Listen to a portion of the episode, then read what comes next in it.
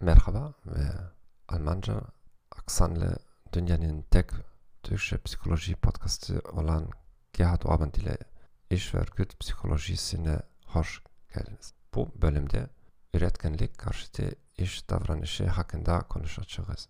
Üretkenlik karşıtı iş davranışı bir kuruluşun meşru çıkarlarına aykırı davranıştır. Çeşitli tipolojiler vardır. Gross ve Sexton tipolojisi şunları içerir. Mülk hırsızlığı, mülkün yok edilmesi, bilgilerin kötüye kullanılması, zamanın ve kaynakların kötüye kullanılması, güvenli olmayan davranış, yetersiz katılım, düşük kaliteli iş, alkol kullanımı, ilaç kullanımı, uygunsuz sözlü eylem, uygunsuz fiziksel hareket, Robinson ve Bennett'in tipolojisi şunları içerir.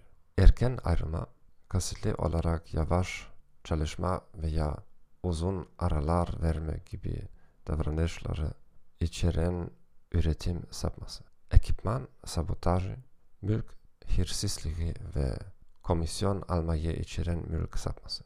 Kayırmacılık, intikam, dedikodu veya başkalarını suçlamayı içeren siyasi sapma. Taciz, sözlü taciz ve tehlikeyi içeren kişisel saldırganlık.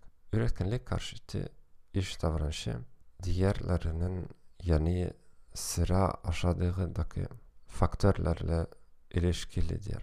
Narsisizm, kötü niyetli denetçiler şirkete karşı kızgınlığa yol açar. Şirket içindeki adaletsizlik algıları, iş yerinde kişiler arası çatışmalar, yüksek organizasyonel kısıtlamalar. Bu podcast'ın dinlediğiniz için teşekkür ederim. İyi günler dilerim ve hoşça kalın.